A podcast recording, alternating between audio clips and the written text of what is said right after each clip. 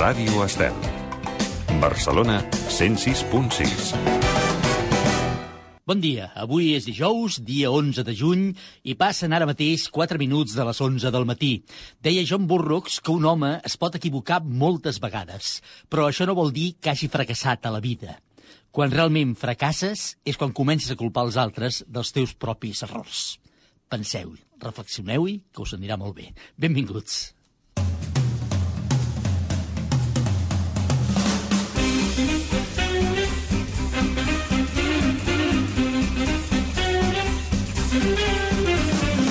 Oh, Déu meu, cada dia una llista de 10 per enriquir la nostra vida. Amb Miquel Morgà. Aquí, a l'O Déu meu, ens equivoquem dia sí i dia també. I què? Ho acceptem, corregim i tornem. No tenim cap por, cap mena de por a equivocar-nos perquè sabem que vosaltres esteu a l'altre costat per fer-nos-ho saber i per fer-nos continuar amb un nou programa cada dia. Un programa que es diu O Déu meu, que el coneixeu prou bé, que és el top 10 diari de Radio Estel i que avui faran possible, com és habitual, el Jordi Carretero, el control tècnic i muntatge musical. Bon dia, Jordi. I avui amb les col·laboracions també habituals de David Murga i Marisol de la Orden. I un home que també s'equivoca molt, que és molt tossut, que li costa reconèixer que s'ha equivocat, però que a la fi, deixeu-m'ho dir també, a la fi té tan bon cor, tan bon cor, que també rectifica i torna una altra vegada amb nosaltres i havent acceptat que s'ha equivocat.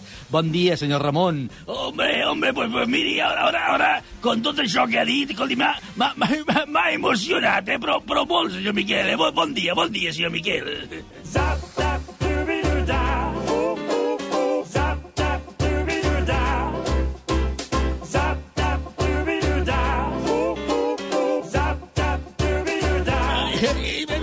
emocionat, ara m'he emocionat. escolti. Escolti, què li passa, senyor Ramon? Que, que jo no deia això perquè s'emocionés tant, eh? A, a més, és veritat que tots ens equivoquem moltes vegades i que no passa res, no? Sí, ja, ja, ja, ja lo sé, ja lo sé, ja, pe- però miri, avui, avui m'ha agafat vostè, m'ha agafat vostè una mica, una mica baix de força. És, és, és que estic molt sensible avui, senyor Miquel.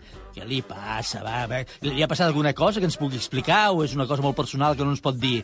Pues, es, que, es que yo ya sé que esto, eh, esto no es el consultorio de la, de la señorita Francis, ¿eh? Pero, escolti, pues, pues sí, sí, sí, sí que, sí que me agradaría explicar-li-ho, ¿eh? Porque, porque encara que una cosa personal, me, me agradaria explicar-li-ho a vostè, que li tinc molta confiança ja. A veure, digui'm, digui'm, eh, l'únic que li demano és que, si plau no s'allargui gaire, eh, perquè l'experiència em diu que vostè se li dona la mà i agafa tot el braç. Per tant, si pot sintetitzar, molt millor. Ai, bé, bé, bé, bé, però, però, però no me digui aquesta cosa, senyor Miquel, que, que de veritat que avui estic, avui estic molt nyonyo, eh? Que, que qualsevol cosa avui, escolti, me- me- m'arriba dins i, i exploto, eh? Que ja, ja li aviso jo ara. Molt bé, escolti, va, eh, escoltarem. Soc, soc tot oïdes. Digui'm, què li passa? Eh, ve- ve- veurà, vo- vo- vostè, vostè se'n recorda, senyor Miquel, que ahir en el programa buscava la, les 10 dones més importants de la història? Que me'n recordo perfectament. A més, va ser un programa, deixi'm-ho dir també, eh, en el qual hi va haver una participació extraordinària i n'estem molt contents. Vale, vale, vale, pues, bueno, pues eso. I, i, I recorda que jo li vaig dir que, que la meva Pilarín, que en pau descansi, també podria formar part de la llista perquè, perquè feia unes croquetes molt bones. Se'n se recorda que això li vaig explicar ahir, senyor Miquel? Sí, sí, ja, ja, ara ho entenc, ja entenc, eh? Es va posar a pensar ahir amb la seva pilarín i es va estovar una miqueta, no? Ah, no, no, no, no, no, no, que va, que no, no, no, no, no és això el que me va passar, no, no, de cap manera. Perdoni, és que em pensava com que... En, en fi, aleshores, què va passar? Bueno, re, re- recorda també, escolti, re, recorda també que li vaig dir que, que jo a la llista hi, hi hagués posat a la Heidi? Sí, ho recordo, recordo com ho va dir. Em va dir que posaria la Heidi perquè no sé què em va explicar que cuidava molt bé el seu avi. Sí, sí, sí, a la- l'abuelito dime tu, sí, és veritat. Eh? Li, li vaig explicar això, senyor Miquel, és veritat, eh? Me'n recordo perfectament, ja me'n recordo. I què? Bueno, pues, pues això, Això què? No, no entenc què vol dir exactament. bueno, pues, pues, pues que, que, que la vaig veure. Que, perdoni, que, que va veure aquí a la Heidi, però, escolti, si la Heidi no existeix, és un personatge de ficció. No, home, no, no, home, no, senyor Miquel, també vostè, vostè de vegades sembla tonto, caramba, escolti, no, que, que, com vol que, que jo veiés a la Heidi? No, home, no, vaig veure la pel·lícula. Ara ho entenc, ara ho entenc. Va veure la pel·lícula i es va emocionar. Pues, pues, pues sí, una, una, una mica. eh, Es que fa plorar molt, eh? Con, con, con- la Heidi allá, el, el abuelito dime tú, la, la nena aquella de, de la cadira de rodas, el, el mono a medio. Perdoni, perdoni, perdoni, però el, el, el mono medio a mi em sembla, eh? no voldria equivocar-me, però a mi em sembla que no és de la Heidi. Jo diria que és del Marcos, el mono medio, eh? Diria jo, no sé, eh? Ah, bueno, pues, pues, pues sí, sí, pot ser, sí, sí, porque, porque es verdad, sí, te, te, te toda la raó, porque después de la Heidi vaig veure el Marcos de los Apeninos aquell, sí.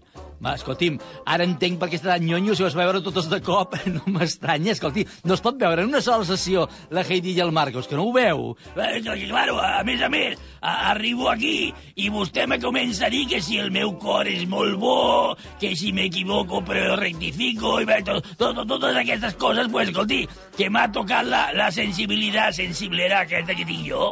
Molt bé, escolti, perdoni, ho sento, no era la meva intenció, eh, però en fi, així cau, vinga, va, animar-se, senyor Ramon, que no passa res, que tenim tot un programa per endavant, i a més un programa que pot ser eh, que ens agradi molt i que l'acabi de revifar una miqueta, eh? Ah, vale, vale, avui, avui, avui què és el que busca, senyor Miquel? Bé, avui més que buscar, el que volem fer és una llista de 10 quadres. Ah, vale, vale, vale, vale, de, de, de, de, deu quadros, eh? A ver, pero, pero quadros, quadros, quins quadros? Miri, volem fer una llista amb, amb els 10 quadres que la gent li agradaria comprar si pogués. És a dir, perquè els quadres eh, dels pintors recorreguts són molt cars, ja ho sap vostè, però si poguéssim, si no tinguéssim limitació econòmica, eh, doncs quins quadres compraria la gent? Quins es posaria al saló de casa seva? Ah, vale, vale, vale, vale, vale, està bé, està bé, està bé. Pues, escolti, jo, jo tinc un quadre a casa que és molt bonic, eh? I que no me va costar ni un duro, eh? Està molt bé. Escolta, quina sort, que el va heretar d'algú, li van regalar. No, no, eh, eh, bueno, sí, me, me, me, me lo van regalar, sí. Eh, que té algun amic que és pintor o algun familiar que és pintor que pinta quadres, jo que sé, no ho sé. Ah, no, no, no, que va, que va. Me lo van regalar los de la caixa.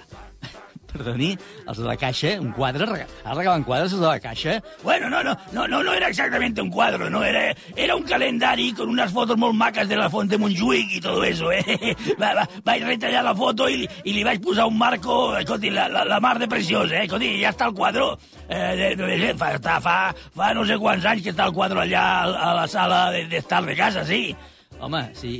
Miri, si és de quan la Caixa regalava calendaris, sí que deu fer uns quants anys, sí. En fi, està bé, està bé. Jo, jo, jo quan parlava de la llista d'avui, em referia a quadres més... Com, com li diria jo?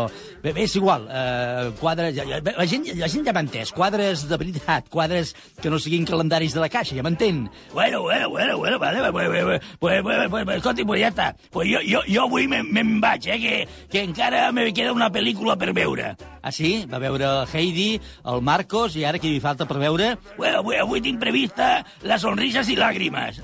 Escolti, no sé si m'ajudarà gaire a reanimar-se, eh? però en fi, vagi, vagi, vagi, que, que estarà molt bé, i que li vagi molt bé la pel·lícula, eh? Bueno, va, va, va, vaig a preguntar-li al Jordi tècnic si vol venir amb mi a veure, a veure la pel·lícula aquesta. Jordi! Jordi! Ah, vinga, va, que vostè ho plori bé, i el Jordi hi bé també. Vinga, faci un part de plorar allà, eh, a cor que vols. En fi, eh, no, no, perdoneu, eh, que està molt... Deixi el Jordi tranquil, que té feina, que ha de fer un programa. Deixi-ho tranquil, vagi vostè a veure la sonrisa i Gàrrimes, ja està. Vinga, va, continuem.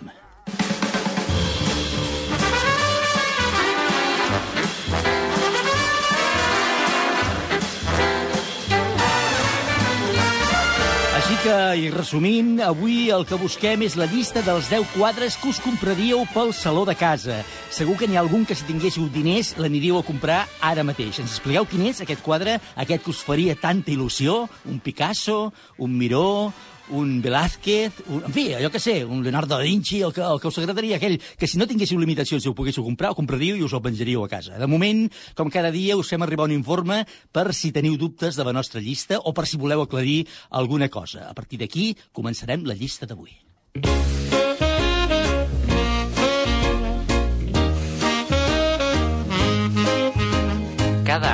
Milers de milions de dòlars en art passen per les cases de subhastes internacionals, mentre que els principals museus tenen desenes de milers i fins i tot centenars de milers d'obres d'art en les seves col·leccions. Però molt pocs aconsegueixen la fama requerida per ser realment considerats noms coneguts. Mentre som inundats amb art dia rere dia, hi ha unes poques peces especials que han transcendit en el temps i la cultura i han programat el seu lloc en la història de l'art. Però si poguéssiu, si la vostra economia us ho permetés, compraríeu algun dels quadres més importants de la història per penjar-lo al saló de casa vostra?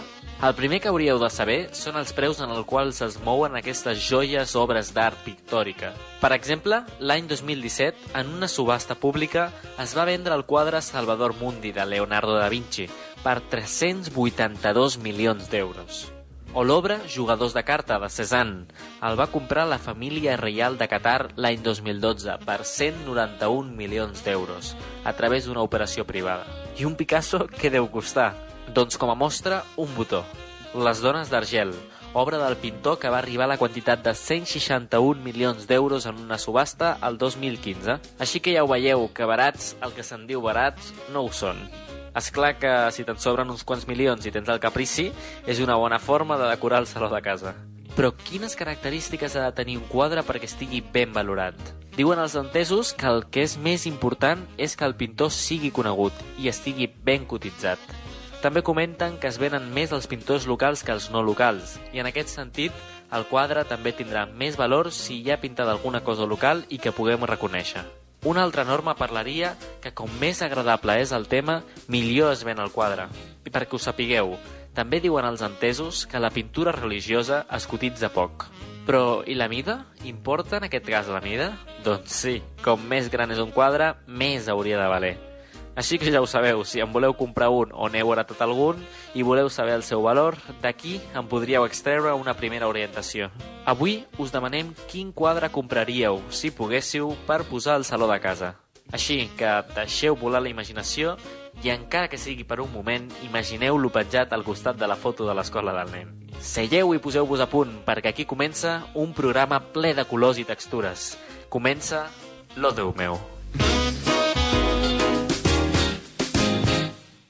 Oh, Déu meu, de dilluns a divendres d'11 a 12 del matí a Ràdio Estel.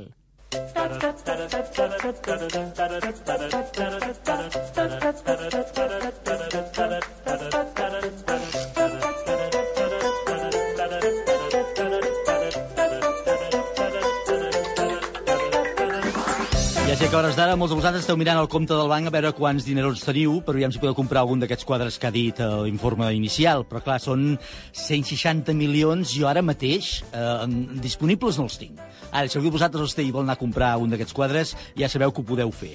En tot cas, i perquè recordeu que busquem avui, és el, els 10 quadres, exactament els 10 quadres que compraríeu per penjar al saló de casa. Segur que n'hi ha algun que si tinguéssiu aquests diners, segur, segur, segur el compraria. Molt bé, doncs a partir d'aquí comencem el camí de la llista, aquests 10 quadres que penjaríeu al saló de casa si poguéssiu, imagineu-vos un Picasso, un Miró, un Velázquez, un Leonardo da Vinci, un... Mon... En fi, eh, n'hi haurien tants que el saló de casa seria una autèntica exposició. Ja sabeu que, a part de la gent que ja ens ha enviat la seva opció des d'ahir quan anunciàvem a la llista del programa, ho podeu fer encara fins al final del programa, és a dir, fins a les 12, i ho podeu fer a través dels diferents mitjans que posem al vostre abast perquè els utilitzeu. Les xarxes socials per un costat, Instagram i Facebook. Heu de buscar el nom del programa, o Déu meu, i allà només caldrà que en el post que hem publicat hi poseu la vostra opció, el nom del quadre que compraríeu. També ho podeu fer a través del correu electrònic o Déu meu arroba radioestel.cat o Déu meu arroba radioestel.cat o a través del número de telèfon habilitat pel WhatsApp que podeu utilitzar sempre les 24 hores del dia, com, com tots els altres mitjans també, eh? però aquest molt especialment per enviar-nos, si voleu, notes de veu, perquè ens agrada molt escoltar la vostra veu al programa. Recordeu que el número del WhatsApp del programa, especial pel programa, és el 644 34 30 10. 644 34 30 10. Recordeu, fins al final del programa d'avui ens podeu fer arribar les vostres opcions per la llista, la dels 10 quadres que us compraríeu pel saló de casa. I recordeu també, important, que entre tots els que participeu sortejarem al final un lot de vins Lovers Wine Elegance. M'agrada saber cada dia que em tens, que et tinc, que ens tenim. Lovers Wine Elegance. Vins creatius i mediàtics. Ens trobareu al carrer Besalú número 60 de Barcelona o visiteu-nos a la nostra botiga online www.elplacerdelatierra.com I recorda que som els creadors del vi Pepe Rubienes. Lovers Wine Elegance. Vins que desperten passions. Algú de vosaltres em portarà avui aquest lot de vins Lovers Wine Elegance amb el vi Pepe Rubianes com a capdavanter de tota la gamma. Recordeu que la gent ja ens va enviar ahir durant aquestes últimes 24 hores algunes de les opcions. Això ha servit per fer aquest primer recull d'opinions en forma sonora d'allò que ens dieu, d'aquells quadres que ens expliqueu que voldríeu penjar al saló de casa. Són aquestes. Bon dia, amics de Radio Estel. El meu quadre preferit és un que em va sortir amb un examen quan estudiava Història de l'Art. El títol és L'Escola d'Atenes. Pertany a un pintor que es diu Rafael. Es troba al Museu del Vaticà. Fou pintat el 1509. Pertany al període conegut com el Renaixement italià. La temàtica és un grup de filòsofs de l'antiga Grècia, encapçalats per Aristòtil i Plató. Hi ha moltes pintures precioses, però jo em quedaria amb la del Beso d'en Gustav Klim. A veure, eh, jo no sóc molt de quadres, però si n'hagués de comprar algun, em compraria algun d'algun artista de casa, no? Com per exemple algun Dalí, algun Miró, però això si tingués molts diners, que desafortunadament ara això no passa. Aquest quadre tan maco eh, és de Claude Monet i es diu El jardí de l'Iris. Diu... Soy Rafael y yo compraría eh, Fuensanta, de Julio Romero de Torre. Gracias. Jo tinc un problema molt greu amb els quadres, i és que a mi, eh, evidentment, m'agrada molt i me'n compraria molt si tingués diners, esclar, però el que passa que la meva parella és pintora i, clar, eh, té totes les parets de casa allà completament ocupades dels seus quadres i no hi ha lloc per posar-ne cap més, així que tinc un problema. Oh, Déu meu!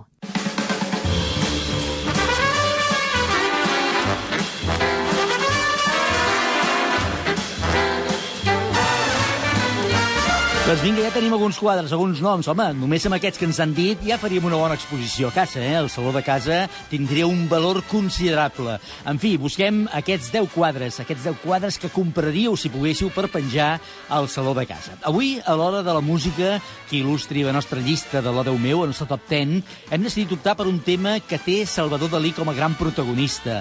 El van escriure i interpretar amb molt d'èxit, per cert, Mecano, i avui m'ha semblat un tema adient per il·lustrar la llista. Eugenio Salvador Dalí. Dalí se desdibuja, tirita su burbuja al descontar latidos. Dalí se decolora porque esta lavadora no distingue tejidos. Él se da cuenta y asustado se lamenta. Los genios no deben morir.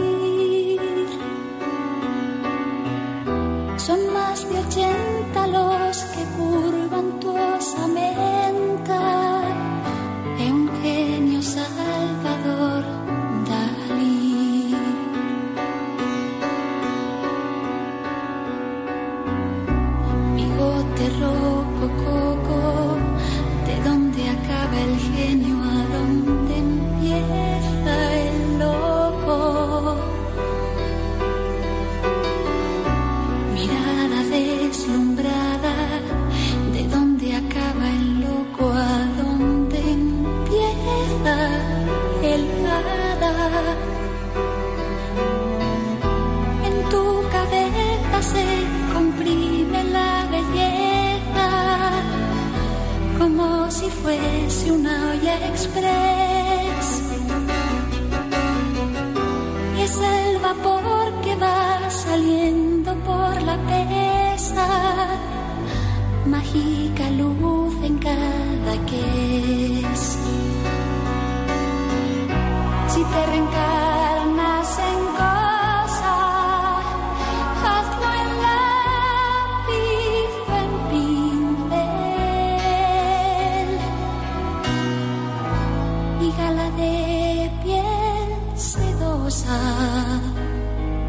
que lo haga en lienzo o en papel. Si te reencarnas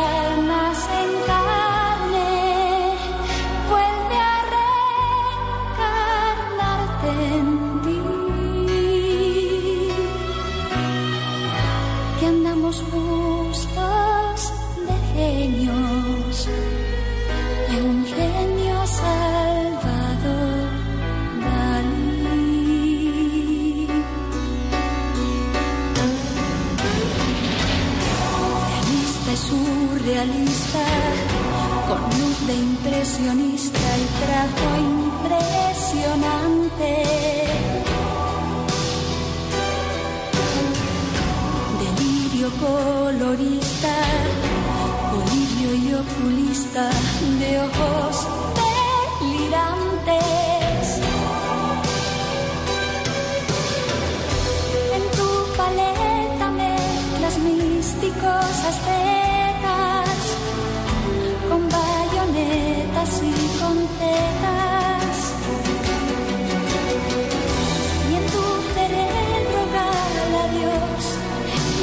las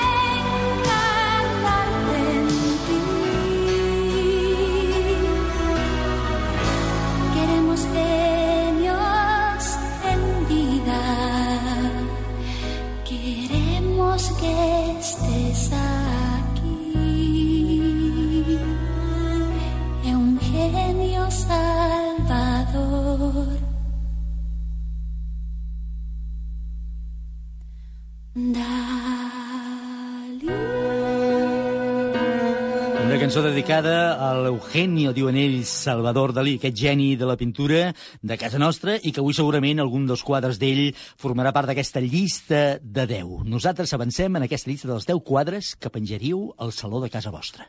Ràdio Estel. Denominacions d'origen, experiències gastronòmiques, destins amb bon gust i tot el que fa feliç al teu paladar t'espera els dissabtes a les 11 del matí a Trotamundos. T'ho expliquem tot perquè no et perdis cap tast. Trotamundos, amb Miquel Mercadal. Us espero amb els 5 sentits cada dissabte a les 11 del matí a Ràdio Estel. Vols fer una comanda a Laboratoris Maen? Doncs apunta el nostre número de telèfon. 669 56 17 68. 669 56 17 68. Els nostres operadors estan aquí per atendre't. Agafaran la teva trucada, tramitaran la comanda i resoldran qualsevol dubte que tinguis. Recorda, si has escoltat l'espai Salut Natural per tothom i t'has quedat amb cap producte natural que t'interessa, només ens has de trucar. 669 56 17 68. Els productes naturals Maen al teu abast. 669 56 17 68.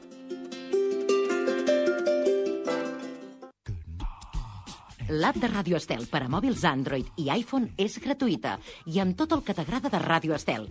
Ràdio online, ràdio a la carta, totes les promocions, tota l'actualitat i accés a les nostres xarxes socials. No te la perdis. Busca Ràdio Estel a Google Play o a l'App Store i queda't amb nosaltres per sempre.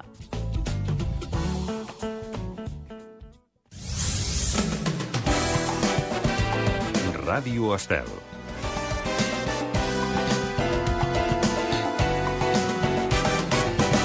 Oh, Déu meu, amb Miquel Morgà.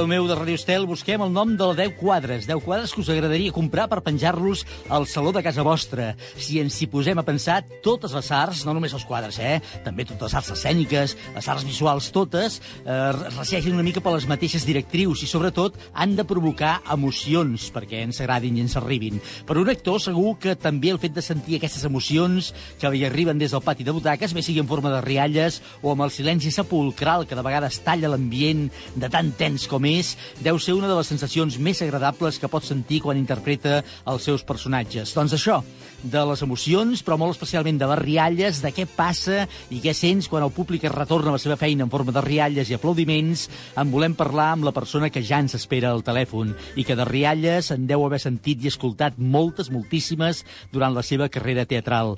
Jordi Sánchez, bon dia i moltíssimes gràcies per haver acceptat la nostra invitació. Hola, què tal? Bon dia, com esteu? Jordi Sánchez és actor, la majoria dels qui ens escolteu el teniu ben identificat i ben clitxat i segur que més d'una vegada heu rigut amb la interpretació dels seus personatges o com a autor, amb allò que s'ha encarregat d'escriure, la majoria de vegades suposo amb la intenció de provocar la rialla entre el públic. Ara en parlarem amb ell d'això. Al teatre hi va tenir una bona entrada com a actor després de llicenciar-se a l'Institut del Teatre de Barcelona i de fundar la companyia Crampac, al costat de Joel Joan i de la Mònica Glenzel. Va fer fortuna algunes de les seves comèdies que hi va presentar, Soc lletja, Excuses o la mateixa Crampac.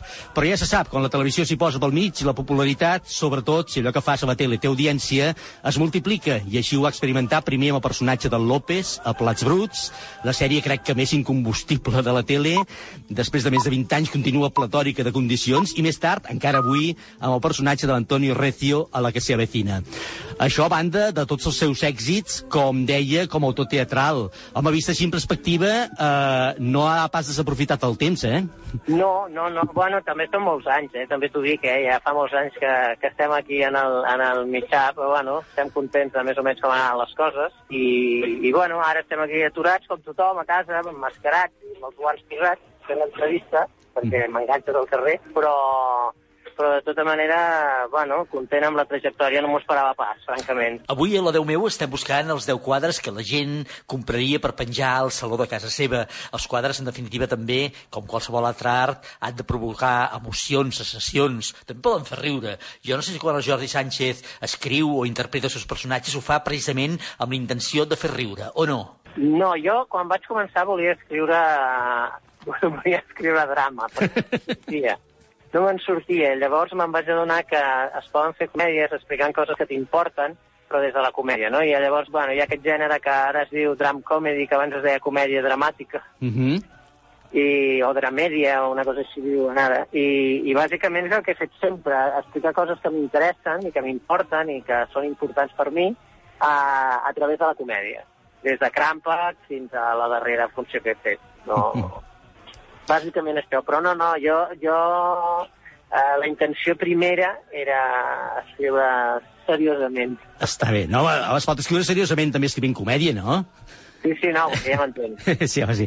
Jo, jo, ara parlarem de teatre. Jo parlava, eh, ara, en començar, de la pervivència en el temps d'una sèrie com Plats Bruts. És impressionant el que passa amb aquesta sèrie. Eh? Hi ha gent que la veu i la repeteix cada any i n'han passat 20 o més de 20, no sé quants, i ja gairebé l'hauríem de considerar com una sèrie de culte, eh? N'han passat 20, n'han passat 20. Eh? 20. És el, vam estrenar el 99, n'han passat ja 21. Sí, sí, per això que, que és gairebé una sèrie de culte, eh? Hi ha gent que et diu, diu bueno, jo és que a l'estiu m'agrada, és com aquell que a l'estiu es pren eh, jo què sé, una canya i durant l'hivern no veu, o quan fa el bon temps eh, la gent es posa a la sèrie, no sé, no sé exactament... Després hi ha gent que se'l posa per dormir, que m'ho prenc bé, però... que diu, jo abans d'anar a dormir sempre em miro un capítolet, com són curtets i tal, i, estan bé. i després hi ha moltíssima gent que l'ha vist, que ha nascut després de la, de la sèrie. Mm -hmm. que els pares els hi, han, els hi han posat i els hi ha agradat i ha funcionat. Sí, sí, no, no... Això, això la gent, això el públic, però Jordi Sánchez continua veient de tant en tant un capítol de Plats Bruts o ja no? No, no, jo quan, quan no em connecto, a, a, no, la, no els busco, però si està la tele posada i de cop l'estan fent, m'hi assec i m'ho miro. Perquè, a més a més, la gent, quan el veu, et comenta, saps aquell capítol que... I dic, home, si fa 20 anys. No, no, no. Sí. no me'n recordo de, de, de, ni d'on era, no?, en aquell moment, però la gent els comenta els capítols com si els haguessis gravat la setmana anterior, no? Clar. Però sí, sí que m'agrada mirar-m'ho, sí, em fa gràcia. Està bé. Hi va haver molta gent, Jordi, va haver molta gent que no es va acabar de creure el pas de l'actor Jordi Sánchez al que en podríem dir la comèdia espanyola, a partir sobretot de la teva incorporació a la que s'avecina. Tots aquells visionaris es van equivocar de ple, eh? Bueno, no... Bueno, som, som treballadors, no? I vas allà on et Sí, sí. i on et lloguen, no? Però jo, jo la veritat és que estic molt content amb el personatge que fa. que És, Mhm. és, és un individu... Jo sempre dic que és un personatge que, que com a persona és un saldo perquè Sí. té tots els defectes humans concentrats en, en un sol ésser, però que com a personatge és molt interessant i funciona moltíssim. Però vaja, no, tampoc... Més que res, la gent no, no tant com que s'equivoquessin, que em deien on vas a Madrid a, Mhm. a treballar, si aquí el tens resolt, i, i jo em venia de gust. Em venia molt de gust treballar amb aquesta gent perquè havia vist la sèrie d'ells l'anterior, i, i, i la veritat és que la sèrie va arrencar justeta, que vam pensar fins i tot que la traurien, i de cop es va disparar i portem 12 anys. Mm -hmm. eh, passa una mica com també com el fenomen de Plats Bruts, eh, que acabes veient capítols moltes vegades, això ens ha passat, jo crec que tots, eh? veiem un capítol i aquest ja l'he vist, però continues veient-lo i tornes a empassar-te'l i tornes a riure, eh? El que passa que a Plats Bruts fan reposicions a Sí. TV3, Mhm. o sigui, la, la passen, potser la passen un cop l'any, o a vegades passen dos anys i no la, no la tornen a posar. I en aquest cas de d'aquesta vecina, com que hi ha les plataformes aquestes, Mhm. eh, la posen un capítol rere l'altre durant un parell d'hores cada dia. O sigui, cada capítol el posen dos mil i pico cops a l'any. És una cosa... I qui vol veure, es connecta allà i ho veu. Estan funcionant constantment, perquè no n'hem fet tants. Nosaltres fem un capítol... Per fer un capítol triguem eh, 15 dies, i n'hem fet 160 o així, vull dir que cada capítols de Plats Bruts en vam fer 70 i pico. Mhm. En total hem doblat amb molt més temps, però, però clar, amb les plataformes és una bogeria, no? I la gent repeteix i repeteix. Jo, jo no, jo, jo me'ls miro un cop per veure si m'ha sortit el que volia fer Sí. i ja no torno, no hi torno. Ara, ara ho deies, ara ho comentaves, eh, el, el personatge d'Antoni Recio, al principi, eh, com ho deies, de tenir- té tot el que s'ha de tenir per ser un personatge odiat, però, noi, eh, el fatxenda, o, o fatxa gairebé, el masclista, o dèspota, l'insolidari, és que ho té gairebé tot, eh? Doncs resulta que gairebé es fa estimar, bueno, no, gairebé no, que es fa estimar, que empatitzem amb ell, i li perdonem tot, eh? És curiós, això, eh? Bueno, hi havia una voluntat, al principi a mi em van dir no pot caure malament perquè estem fent comèdia, hem de fer que caigui bé. Jo me'l llegia i deia, mare meva, sí, sí, tot, és homòfob, xenòfob, feixista, Sí, sí. eh, i això que dius insolidari, i, i vam tirar-lo molt cap al nen petit, els nens aquests egoistes que tot els hi surt malament, tot li surt malament, de fet, ell es pensa que té amics, com diu, té amigos per tota Espanya i no se l'estima ningú, està més sol que la una, i d'alguna manera la vida li ha tornat aquesta manera de fer i de ser. Però, però sí que és veritat que ja vam intentar això, infantilitzar-lo i, i, perquè és que si no eh, era complicat que caigués bé, o que fes una miqueta de llàstima, no? perquè en el fons fa una mica... És, fa tendresa el personatge, no? Perquè és tan, és tan dolent i li surt tot tan malament que al final la gent li agafa com carinyo, no sé.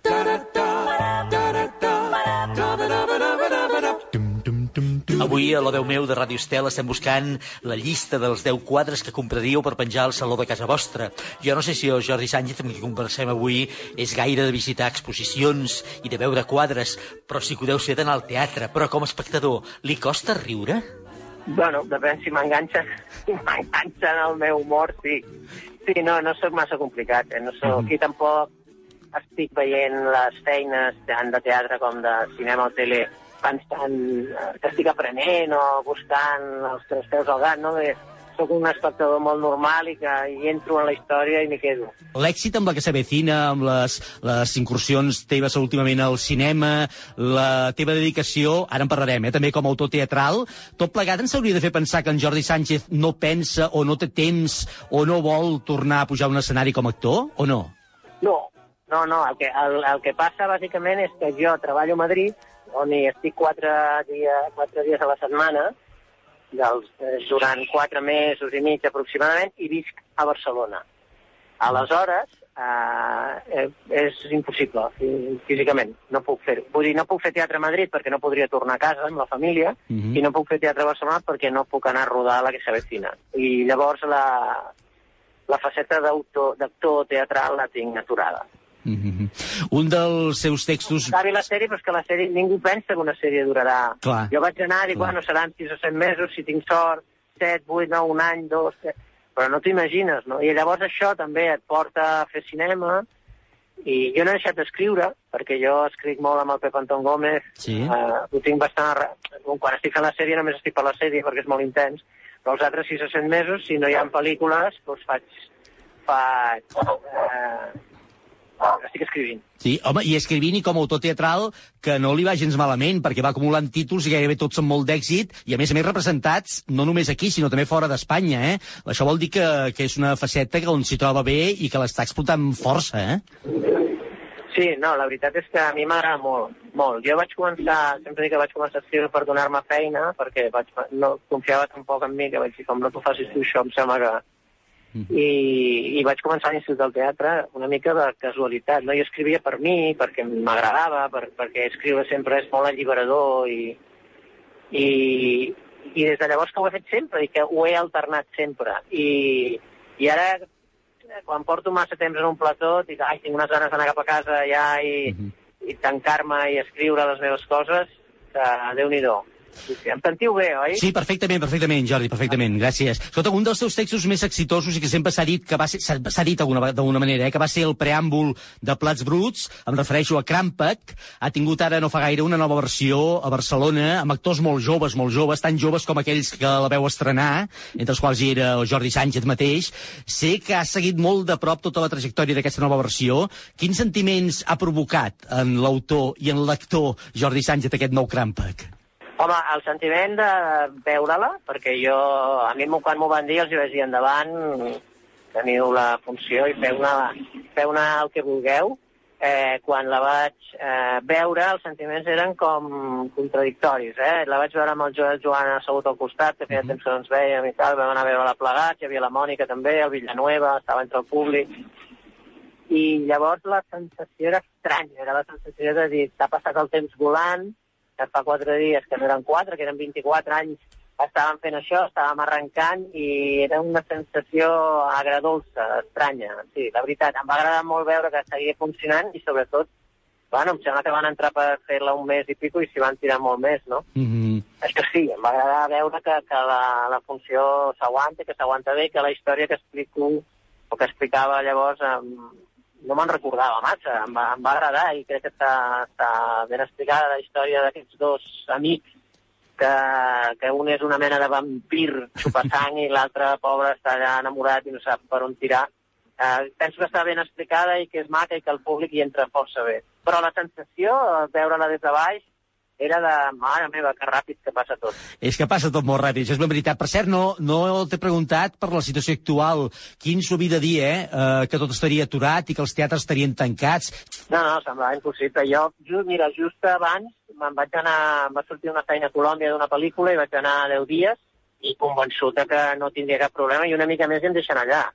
Jo vaig marxar, no hi havia res, eh, vam estar rodant i a l'hora de tornar va sortir el, el Pedro Sánchez dient que ja veuríem amb això d'anar i venir dels països, no sé què, i al final va dir tots els eh, espanyols podran volver i tal, però estàvem tots una mica cagats de por, la veritat. I va passar això en res, en- en 8-10 dies va canviar tota la situació i mira com estem, no? Qui ens havia de dir que sortiríem de casa disfressats, que consumiríem una quantitat d'alcohol d'aquest desinfectant brutal, no? Sí. Estem, no? I portant els menjars als pares i, i, en fi, una situació que sembla de ciència-ficció absoluta. Un gran cop per la indústria teatral, també per la indústria de la cultura, per tothom en general, eh? però, però per l'àmbit que ara ens pertoca, per la indústria de la cultura i de l'oci en general, eh, serà complicadíssim, eh, refer-se d'això. Jo trobo que sí. No, la gent diu, hem de ser optimistes, no sé com ho farem, perquè a més a més, clar, hi ha moltes incògnites i moltes, molts dubtes, no? Perquè eh, com si va al teatre, no? Si teòricament això ha de ser gradual, que faran una butaca de cada quatre, ara diuen que instal·laran aquestes eh, mena de termòmetres, que, bueno, com, això està bé, no? Quan Mhm. entris, el que tingui febre cap a casa, no? bueno, però és que és molt incert tot el futur, no? És, Mhm. és estrany que no trobin una vacuna ràpid i serà molt gradual i, i l'audiovisual, bueno, home, l'audiovisual és més senzill, perquè Sí. de fet és el mateix que treballar al Corte Inglés, per entendre'ns. Clar. Som un grup de gent concentrada, però no tenim públic allà davant, no?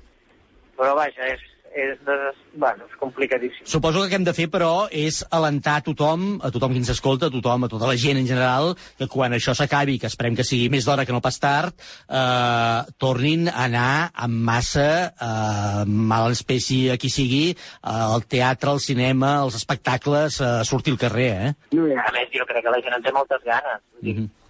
Primer dia que surts ara al carrer, la gent es pot nerviós i tot, no?, quan ha de posar el peu a... Sí. Està com no, no, hem de recuperar i la manera de fer nostra és fer molt, estar molt al carrer i molt fora de casa i a la gent li agrada anar als teatres. Imagina't ara amb el grec, tot el que ens venia, tot, vull dir que la gent jo crec que en tindrà moltes ganes, no? Si... Bueno, jo crec que la clau està en posposar, no en anul·lar, i, i veure si el que s'havia de fer ara ho podem fer al setembre, doncs millor que millor, no? Anar tirant enrere tot el que podem i, i bueno, i, és que no et pots desanimar, perquè què has de fer? Clar. Per cert, què fa el Jordi Sánchez en temps de confinament? A què dedica el temps lliure, que deia el Perales? Anar a comprar. Anar a comprar. No, jo estic escrivint perquè m'agrada molt i sempre he escrit. I no et pensis, se'm, se'm queden... Bueno, ja fer molta família, que és veritat que, que a vegades durant l'any vas massa amunt i avall, i tot i que jo m'ho he arreglat sempre per tenir tres dies a la setmana amb els meus i així, però sí, fas molta família, escric, faig, eh, intento fer esport, tinc un pati petit, però no just ni el pati de la presó. Però sí, no, no corres o saltes, o si no et poses a la cuina amb uns cascos i també fas gimnàstica, no? Perquè és que, al final ens faran mal els ossos a tots, no? Sí, sí. Però, però bueno, i, de, i surts i dius, mira quin sol i quina llum més maca, llàstima que ens haguem de quedar a casa, però bueno, és que, com jo sempre dic allò de, bueno, un dia menys. Avui ens venia molt de gust parlar amb un actor, amb un autor que ens ha fet riure, que ens fa riure molt i a qui agraïm moltíssim que ens hagi acompanyat. Molta sort, Jordi, i molta merda. Moltíssimes gràcies i molta merda per tot el, per tota la professió i per tot el món en general. Oh, Déu meu! Cada dia una llista de 10 per enriquir la nostra vida.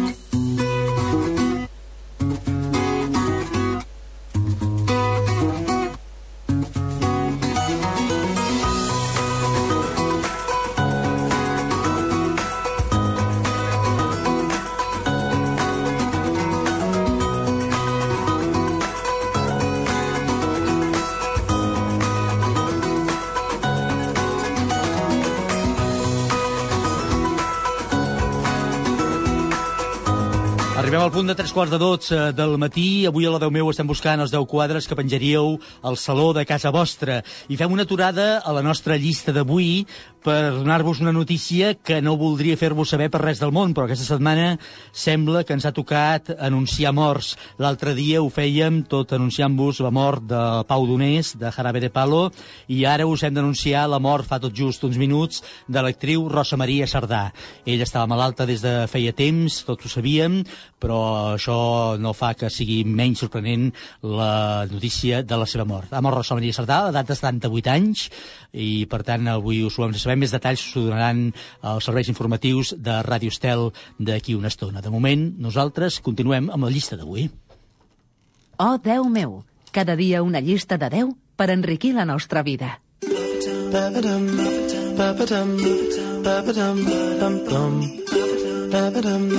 Ba-ba-dum, ba-ba-dum, ba-ba-dum,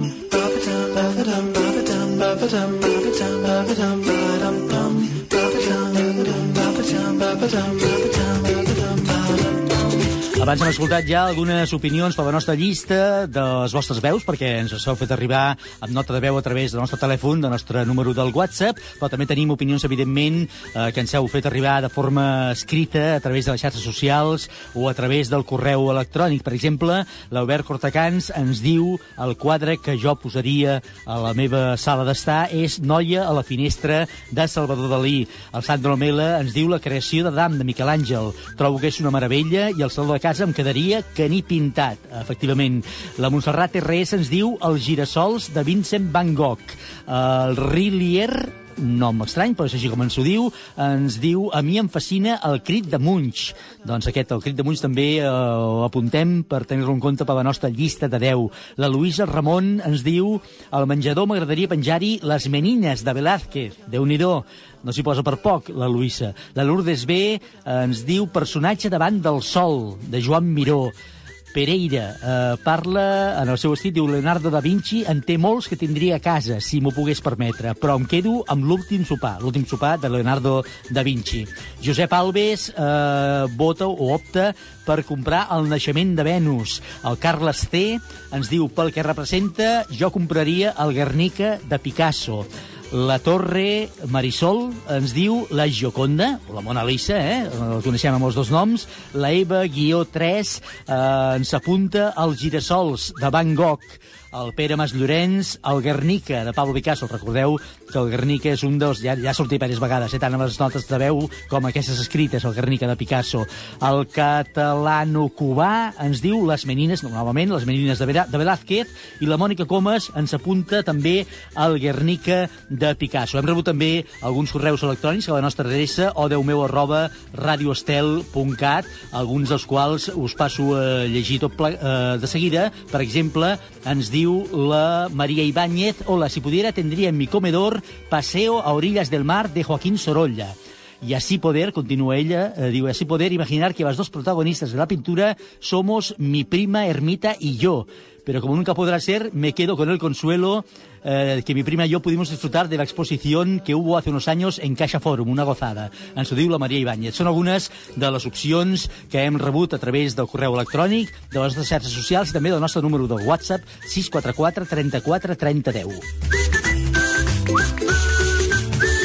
Us ho dèiem i anunciàvem tot just fa uns minuts, molt pocs, eh, fa una estona hem sabut de la mort de l'actriu Rosa Maria Sardà i ens, vam, ens vam volgut trucar de seguida a una altra actriu que ara mateix es troba a Madrid treballant i que va estar treballant amb Rosa Maria Sardà en moltes ocasions, però molt especialment perquè va ser dirigida per ella, per Rosa Maria Sardà, en el seu espectacle Shirley Valentine. Amparo Moreno, bon dia.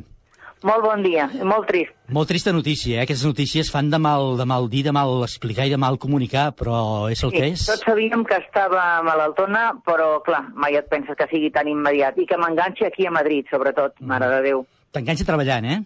Sí, estic fent una sèrie i, bueno, i jo m'agradaria estar allà, almenys quan, quan sigui l'enterrament o el que sigui, però que, mira, m'ha tro trobat aquí, m'ha trobat Mhm. aquí.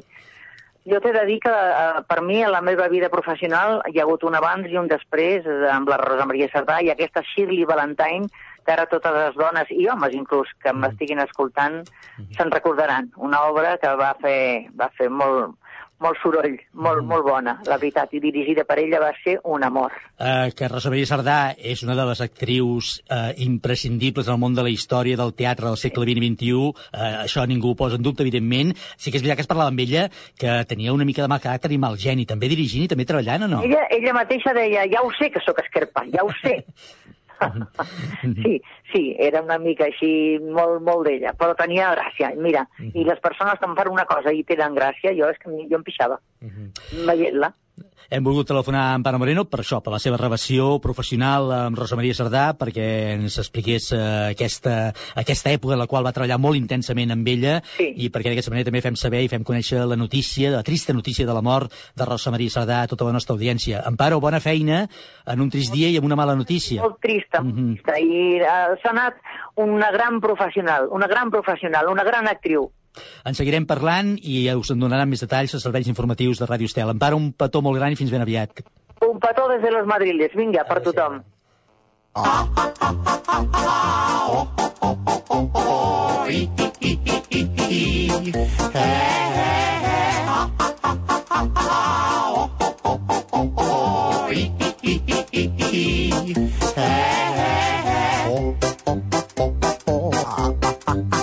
Doncs bé, una vegada fet aquest parèntesi per anunciar-vos aquesta trista notícia de la mort de Rosa Maria Sardà, hem de reemprendre el programa amb la seva màxima normalitat i això vol dir anar a, cap a un altre lloc on es troba la Marisol de l'Orden. Ella es troba davant d'un ordinador, està tot el dia allà davant ella, eh? No para de treure la, la vista de l'ordinador, busca coses, li diem, busca què diu dels quadres que voldríem tenir a casa, dels quadres més importants, dels quadres més bonics. I ella busca i els troba i ens explica tot el que troba a internet.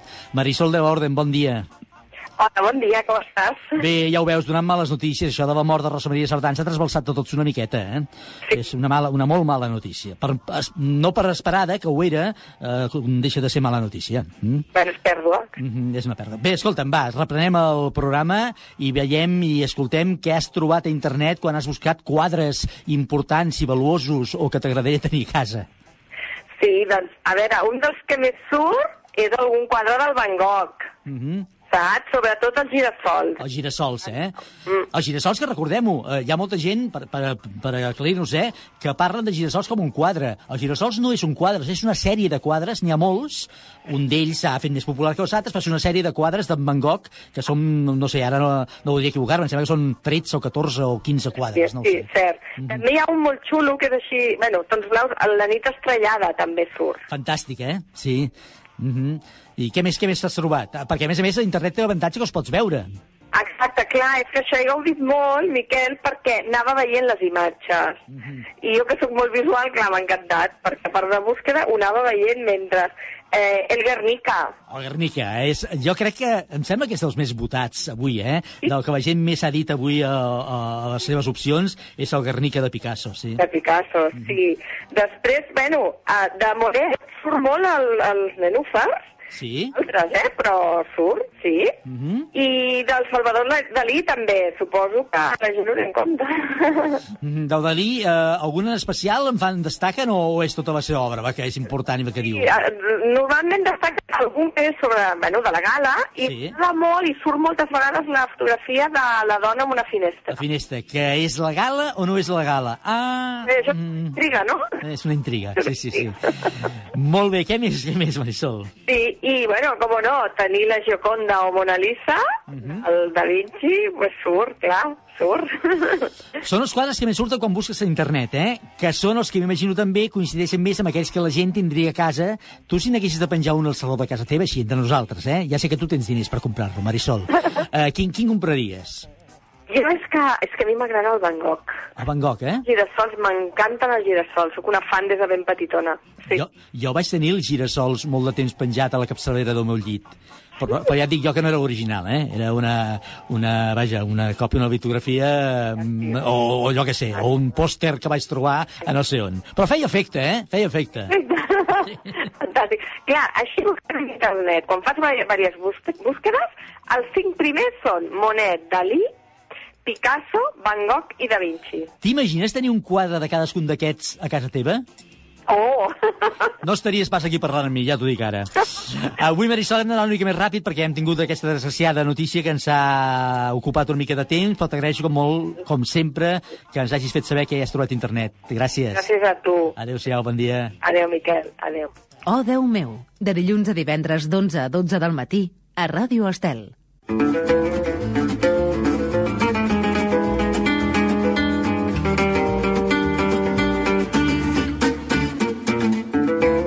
ja tenim tota la informació necessària i podem configurar aquesta llista avui a Correcuita, abans d'acabar el programa, que ens dirà quins són els 10 quadres que vosaltres heu triat per penjar al saló de casa vostra. Cada dia una llista de 10 a Ràdio Estel. Número 1. És l'obra més coneguda d'Edward Munch. L'obra data de 1893 i s'engloba dins de l'estil expressionista, el crit. Número 2. És, com dèiem ara mateix, una sèrie de quadres a l'oli realitzats pel pintor holandès Vincent van Gogh. N'hi ha tres de similars amb 15 girassols en un gerro i dos amb 12 girassols també en un gerro. Estic parlant, evidentment, dels girassols. Número 3. És una pintura mural realitzada entre el 1494 i el 1498 al refectori del convent de Santa Maria delle Grazie de Milà per Leonardo da Vinci. Estem parlant de l'últim sopar. Número 4. Un quadre del pintor italià Sandro Botticelli. Està realitzat en trem sobre tela, va ser pintat entre 1482 i 1486 i actualment es troba a la galeria degli Uffizi de Fiorenza. El naixement de Venus. Número 5.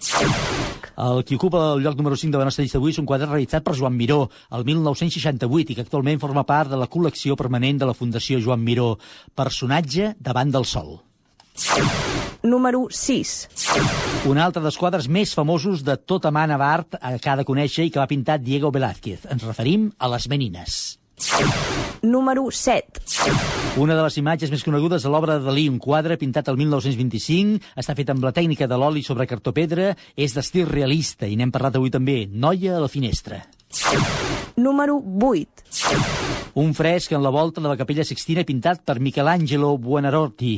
El Miquel Àngel, l'any 1511, va pintar aquesta meravella que és la creació d'Adam. Número 9.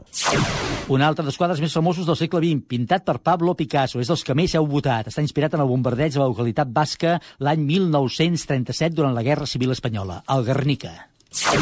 Número 10. I tanquem la llista d'avui eh, amb el que és probablement el retrat més famós de tota la història de l'art. Es tracta d'un oli on apareix l'esposa Francesco de Francesco di Bartolomeo di Zanobi de Giocondo. La pintura està sempre rodejada de molt de misteri i alhora ha inspirat nombroses narracions literàries i diferents interpretacions. Parlem, evidentment, de la Gioconda o la Mona Lisa.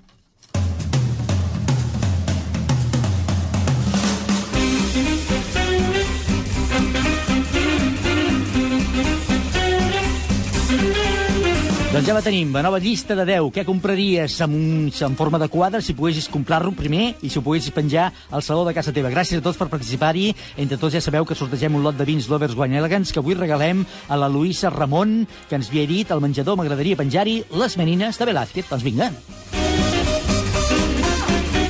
Demà divendres acabarem la setmana i tornarem amb una nova llista de 10. Demà dedicarem aquest top 10 a les pel·lícules de riure. Us demanarem les 10 pel·lícules que més us han fet riure a la vostra vida. Segur que n'hi ha alguna que recordeu especialment. I penseu i ens la feu saber, entre altres eh, mitjans, mitjans, a través del nostre número de WhatsApp, que podeu utilitzar totes les hores del dia, el 644 34 30 10.